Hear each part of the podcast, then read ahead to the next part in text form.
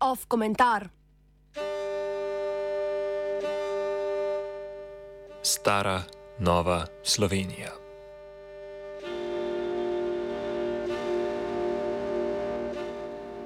Danes je prvi dan poletja in pred poslanci državnega zbora so parlamentarne počitnice. Za rekordno hitro oblikovanje 15. vlade Roberta Goloba v dneh, 38 dneh po volitvah si zasluge lahko pripišajo tudi ti, ki so glasovali za ministersko ekipo, ki za zdaj šteje 17 članic in članov. Tako hitra potrditev vlade je razumljiva. Razmerja moči v parlamentu, ki ga tvori najmanj strank do sedaj, so takšna, da bolj kot kadarkoli prej v samostojni Sloveniji omogočajo instrumentalizacijo zakonodaje v glasovalni stroj izvršilne veje oblasti. Gibanje Svoboda z 41 predstavniki ljudstva pri posameznem glasovanju ne potrebuje niti glasov socialnih demokratov, niti levice, saj absolutno navadno večino doseže že s sodelovanjem ene izmed njiju. Trenutna izkazana enotnost namreč ni garant za prihodnost, ko se bo na dnevnem redu znašlo odločanje, da nimo o zdravstveni reformi.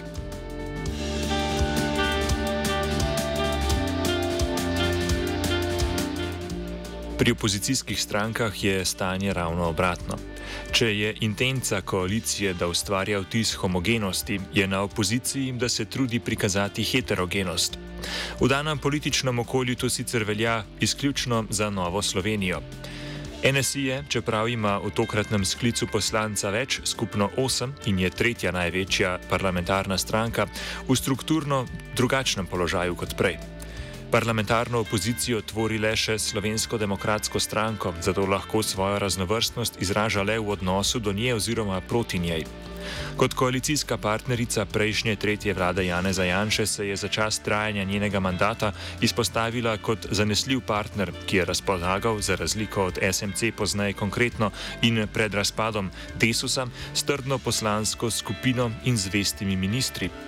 S, konceptualizacijo janšizma, ki je širši od Jane Zajanše, od politike ali njegovih politik, čeprav obstojno vezan na njen, so vse omenjene stranke dobile status političnega satelita in ga, kot v primeru NSI, pravzaprav reafirmirale.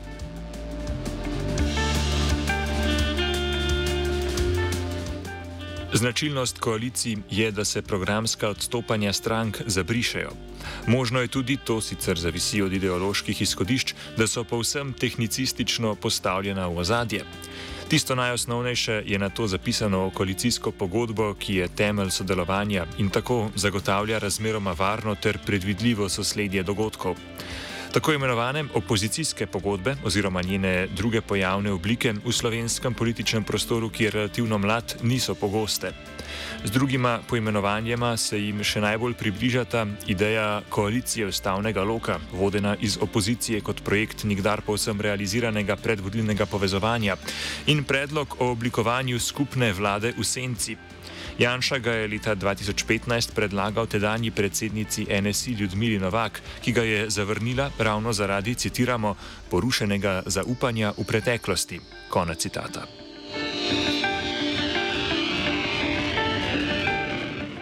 Vprašanje, ki si ga torej postavlja NSI, je, kako se pozicionirati v novi konstelaciji političnih sil. Po eni strani tako, da ponovno vzpostavi sebi lastno in neodvisno identiteto ter suverenost, po drugi pa tako, da ne pride v odprti konflikt stranko z najdaljšim opozicijskim staležem. Da si to vprašanje postavlja, vemo, ker je del odgovora na nj prišel v obliki razdelitve predsedniških in podpredsedniških mest v delovnih telesih državnega zbora, to so odbori in komisije. Po preračunu državno-zborskih strokovnih služb bi moralo od skupno 21 šest predsedniških mest pripasti SDS in dve NSI. A z izglasovanim amandmajem, ki ga je na kolegiju predsednice državnega zbora Urške Klakočar Zupančič predlagal takratni vodja poslancev NSI Jožef Horvat in pri tem dobil podporo vseh poslanskih skupin z izjemo SDS, je mesto predsednika Komisije za nadzor javnih financ v zameno za tri podpredsedniška mesta pripadlo NSI in ne SDS, kot je bilo sprva predlagano. SDS zato sprva svojih kandidatov za delovna mesta, pa tudi kandidata za podpredsednika državnega zbora, protestno ni predlagala. Še danes pa ostajata neizpolnjeni mesti v Komisiji za nadzor javnih financ ter Komisiji za nadzor obveščevalnih in varnostnih služb.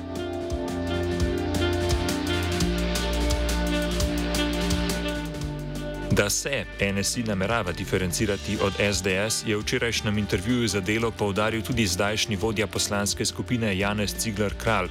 Citiramo: NSI je z novo opozicijsko vlogo dobila priložnost, da se postavi samostojno, svobodno uresničujemo svoje politične interese.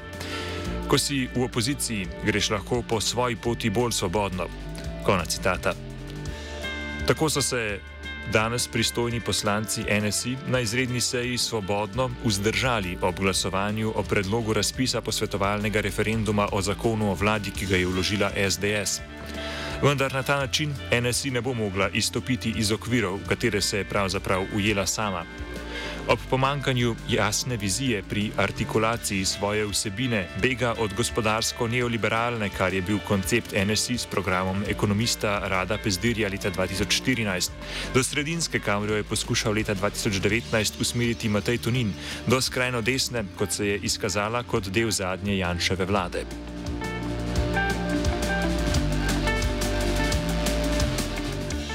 Usmeritev, ki jo je NSI od ponovnega vstopa v parlament leta 2011 dejansko sprejela, ali bolje je bila za njo sprejeta v imenu redefinicije desnega pola pod hegemonijo SDS, je prilagajanje vsakodnevnim aktualno-političnim dogodkom. Opisali bi ga lahko kot sledenje koordinatam političnega prostora, ki so se v zadnjem desetletju v Sloveniji premaknile občutno desno. Zato je težnja po avtonomiji, ki jo danes izpričuje NSI, pravzaprav le nadaljevanje kontinuitete, v katero se ujamejo stranke, ki poskusijo predstaviti alternativo SDS na desnici. Odločitve, ki jih vlečejo, se v retrospektivi izkažejo za neodločitve. In izhajajoč iz tega vedenja ni vtis raznovrstnosti, ki bi ga NSI poskušala doseči v relaciji do SDS, nič več kot to, kar poskuša biti vtis. Nova, Slo nova Nova Slovenija, kar ta želi biti v opoziciji, zato pravzaprav ni nič novega. Je stara Nova Slovenija, kot jo že poznamo.